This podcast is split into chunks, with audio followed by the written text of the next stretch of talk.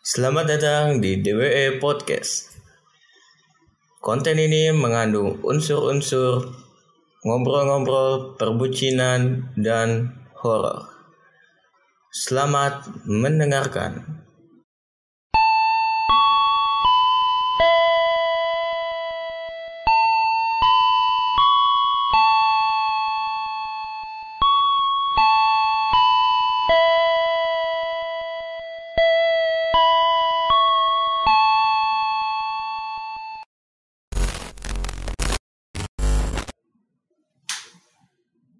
Selamat malam teman-teman DW.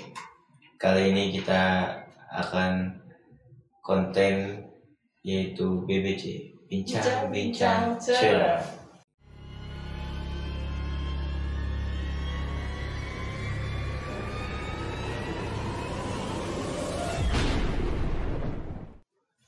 Bersama gua Wisnu, Gue Abel.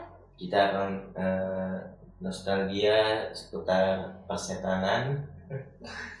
Jadi kita akan ngebahas. Udah banyak nih teman-teman dari Instagram DWE terus juga dari YouTube juga yang minta BBC lagi.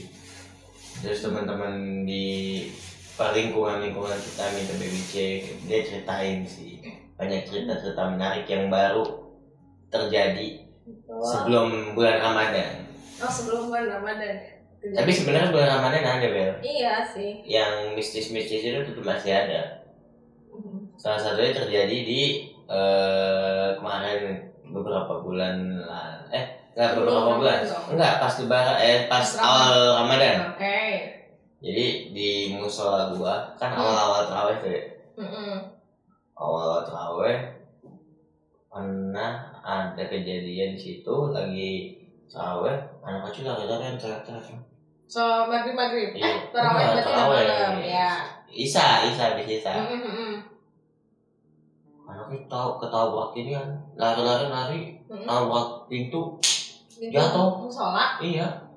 Waduh ngapain? Itu rame-rame kejar-kejaran gitu. Enggak, orang anak kecil teriak-teriak sendiri. Hmm, terus. Dia nabrak, ini musola, Mhm. Mau jatuh. Nah, setahu bapaknya kan, dia kalau misalnya lari kan nggak kencang-kencang banget. ya. Biasanya. Iya. Nah, dicurigai didorong sama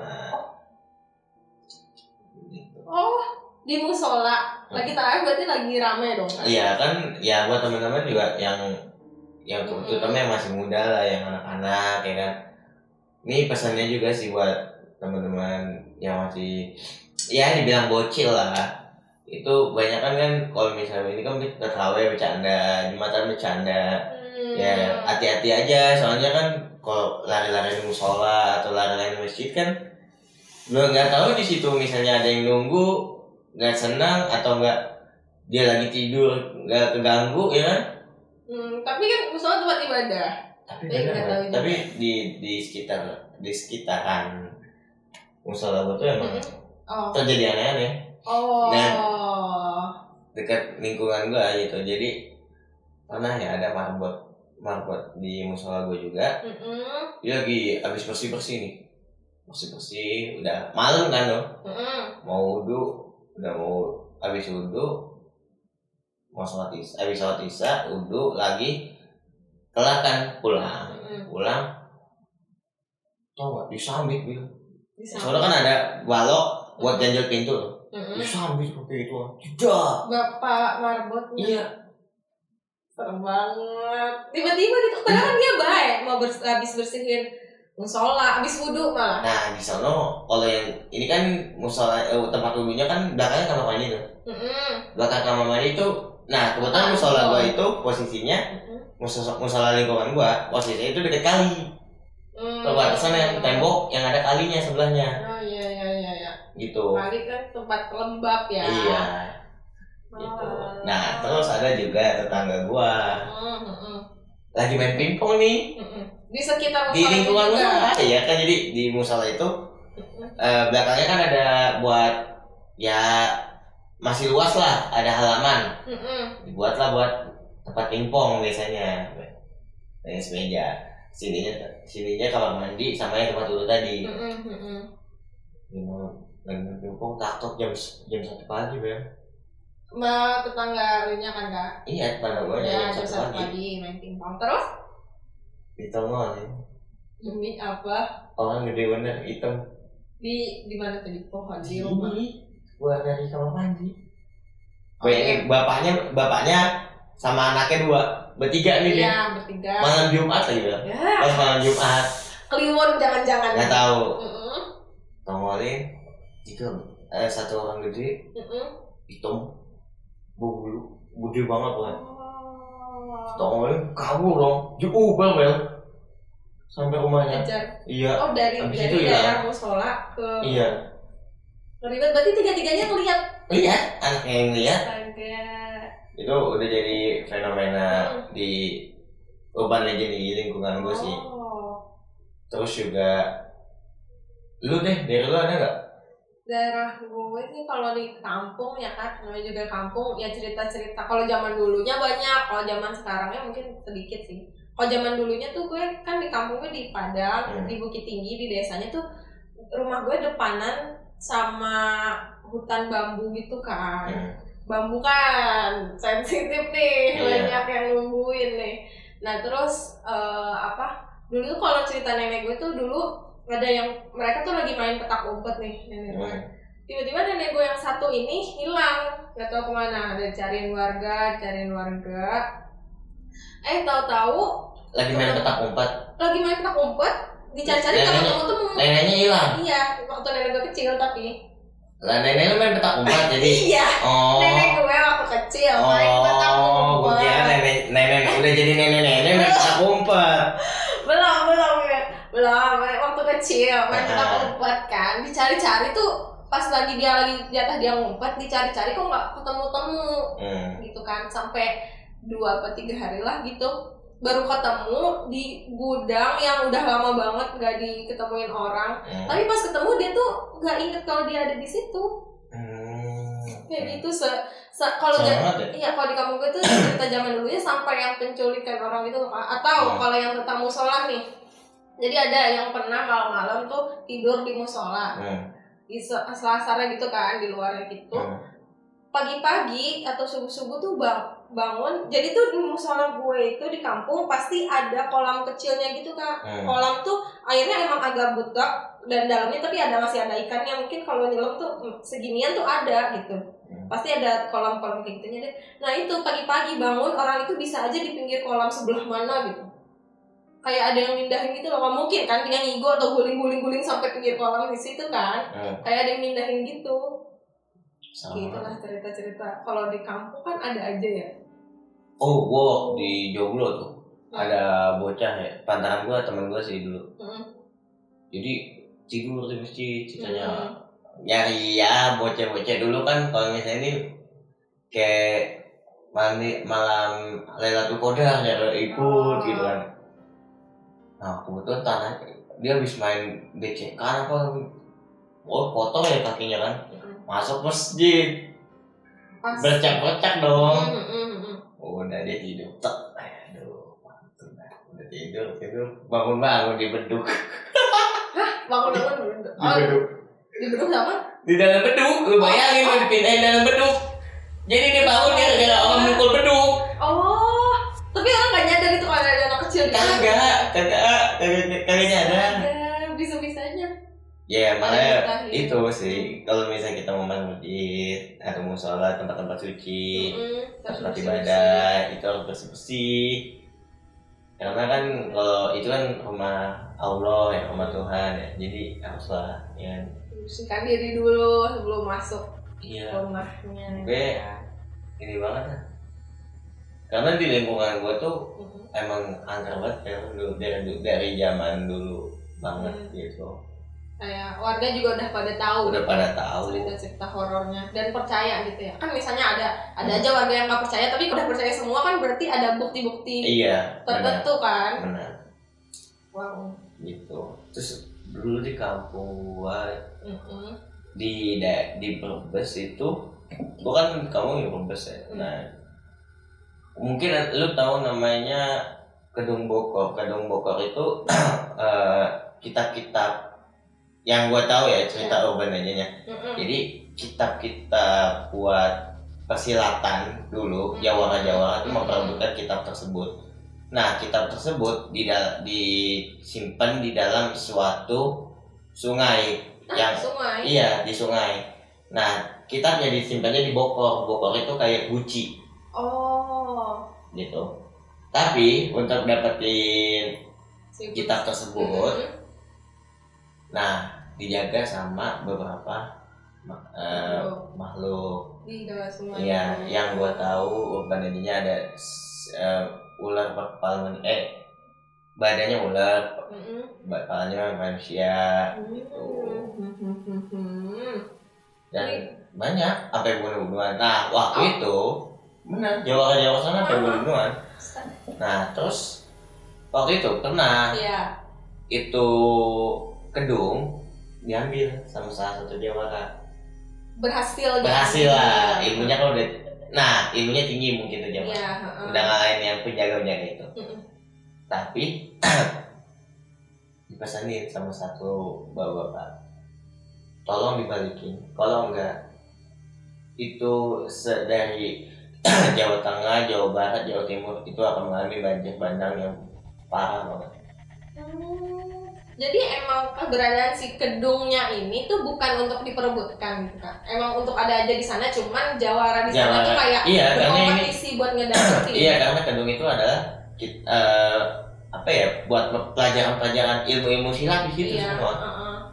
Tapi Gitu. sebenarnya bukan untuk di eh, di Di- sama bukan. orang. Bukan. Makanya sengaja di, di, di Oh. situ gitu. Jadi banyak banyak banget urban-urban legend buat teman-teman. Mungkin kalian bisa cerita juga di daerah kalian tuh ada apa aja sih ya kan? Urban legend yang pernah terjadi. Pasti banyak yang kalau misalnya ditanya sama orang dulu pasti banyak lah kejadian-kejadian. Nggak mungkin nggak ada nggak sih kak? Kalau di Bali biasanya layak Iya. ya kan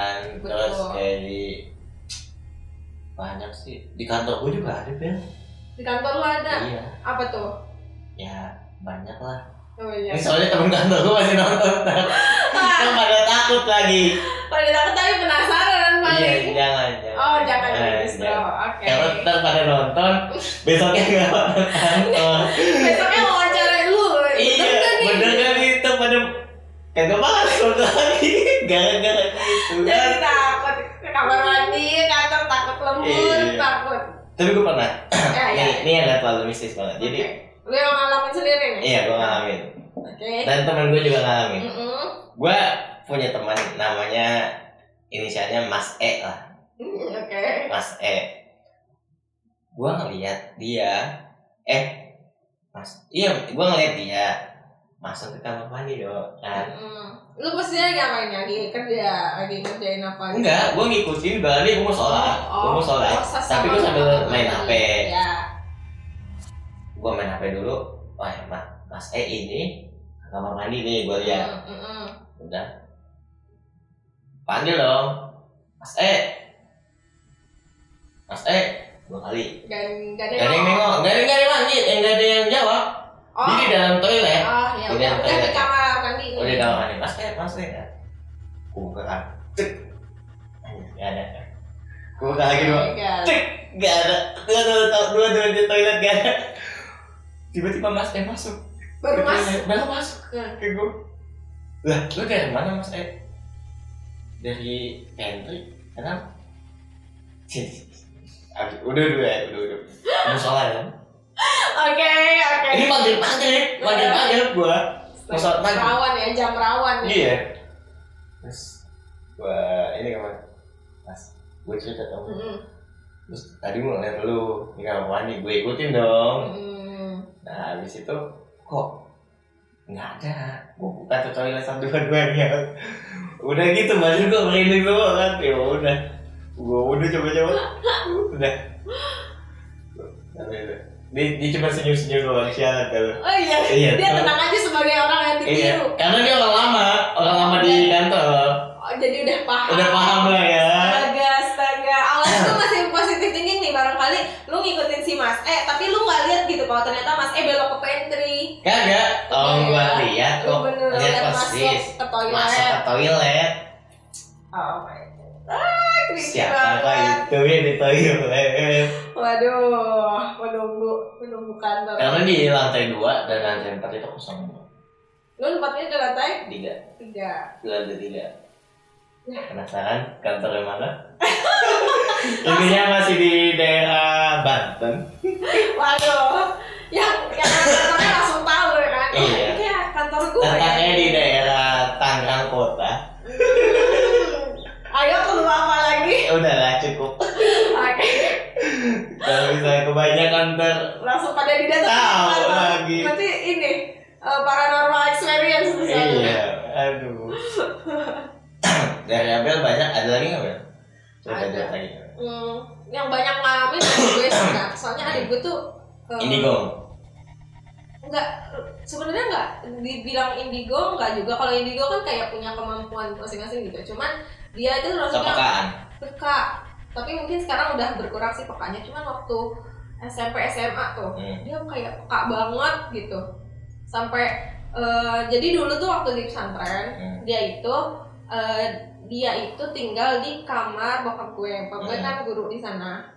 Dia Kakak kakak. Enggak. Oh. enggak enggak. Enggak nepotisme ini. Oh. tinggal di bokap gue karena ada sesuatu salah gitu. Nah gue kan jarang di sana lebih Hmm. sering tidur di ruangannya. Rata-rata orang guru-guru sepertemannya tuh udah tidur di kantornya gitu.